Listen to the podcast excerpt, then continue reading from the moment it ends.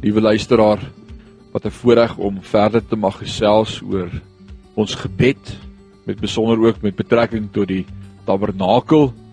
Ons het daardie eerste twee, die ingang en die binnehof reeds bespreek. Die Psalm 100 sê ek gaan sy poorte in met lof, sy voorhoewe met lofgesange vir wie God is en dan kom ons vandag stap 3 die koperaltaar. Die plek van belydenis. Levitikus 17 vers 11 sê vir ons want die siel van die vlees is in die bloed. En ek het dit aan julle op die altaar gegee om vir julle siele verzoening te doen. In die binnehof is die tabernakel met 'n koperaltaar reg voor jou. Dis die eerste meubelstuk wat jy mee gekonfronteer sou word.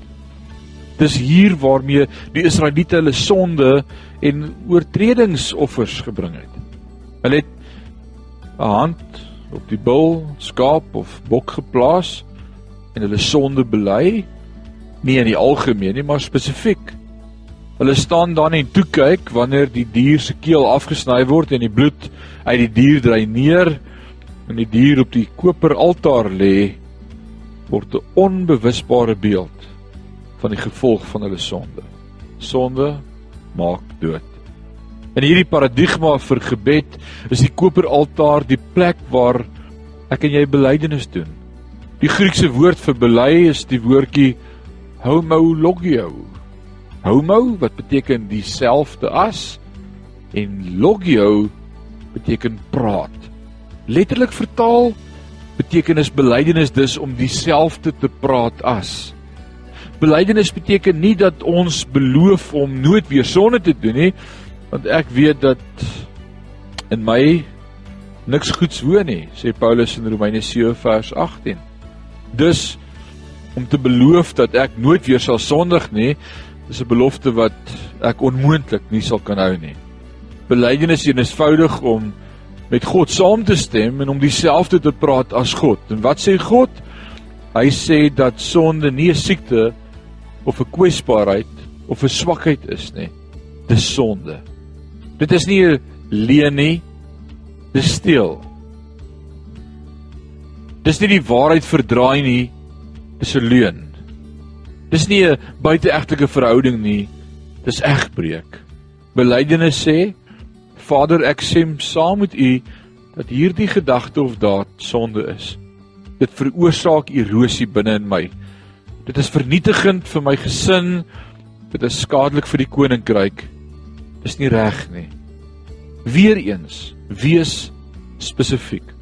Moenie sê vergewe my vir al my sondes wat ek vandag gepleeg het nie. Nee, of vergewe my omdat ek nie lief gehad het wat ek veronderstel was om lief te hê nie.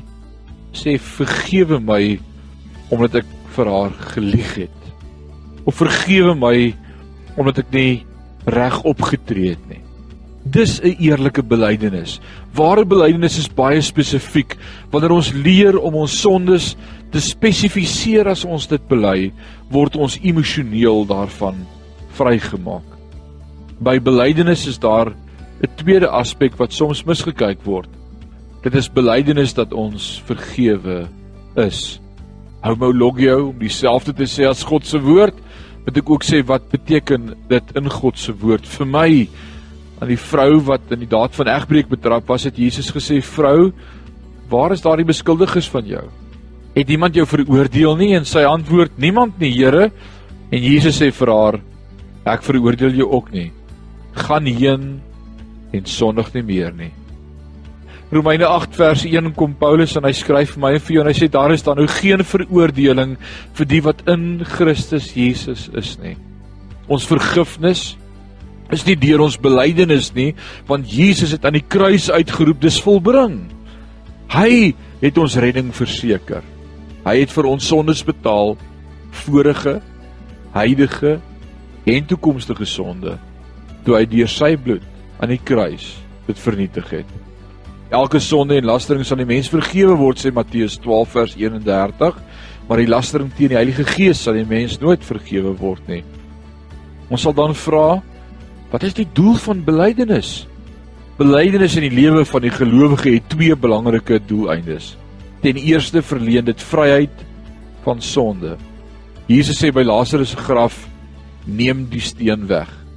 Martha, Lazarus se suster, sê vir hom: "Here, hy ryk al, want hy sal 4 dae dood." Belydenis rol die steen weg voor die graf waarin ons so doelbewus ons sondes probeer wegsteek en die stank daarvan probeer verbloem. Lazarus kon nie uit die graf kom voordat die steen weggerol was nie. Net so word ons gevange gehou deur die sonde wat ons eerder wil wegsteek as bely. Net soos Martha protesteer oor protesteer ons ook gereeld oor ons sonde stink en te onaangenaam is om te ontbloot. Daar is geen oorwinning en geen verlossing sonder eerlike, openhartige en deursigtige belydenis nie. Belydenis bring bevryding. Dit rol die steen weg en verander die stank van dood in die soet geur van lewe. Behalwe dat ons bevryding van sonde beleef deur belydenis, bevorder belydenis ook waardering vir ons Skepper. In Lukas 7 sê Jesus vir Simon die Fariseer haar sondes wat baie is is vergewe want sy het baie lief gehad. Neem asseblief kennis deur baie liefde hoef ons nie nog meer sonde te doen nie. Ons sonde was reeds baie. Wat ons behoort te doen is om meer spesifiek en met eerlikheid te bely sodat ons tot die besef kan kom presies hoeveel ons daagliks vergewe word. Dit sal baie liefde in ons bevestig vir die genadige Vader. Kan ons 'n oomblik stil word en saam bid by hierdie koper altaar, die plek van belydenis. Vader, stap 3 in hierdie wonderlike plan van die tent van samekoms, die tabernakel, was dat elkeen van ons ook in ons lewe elke dag by die tabernakel se ingang daar met die koper altaar gekonfronteer word waar ons ons sondes bely. Ons wil nie meer net in die algemeen kom bid Here vergewe ons ons sondes nie, want dit help ons nie om daarmee te deel nie. Help ons om spesifiek te wees oor dit wat ons verkeerd doen. Help ons om spesifiek met U te kan praat en op die naam te kan noem wat in ons lewe is wat ons weet ons terughou van die wandel met Christus. Help ons om daaroor vry te kom. Help ons om te sê wat U woord sê dat ons nie net vry is nie, maar dat ons vergewe is dat U aan die kruis reeds vir ons sonde betaal het. Daarom is ek meer as oorwinnaar deur Christus wat ons liefhet. Seën elke luisteraar.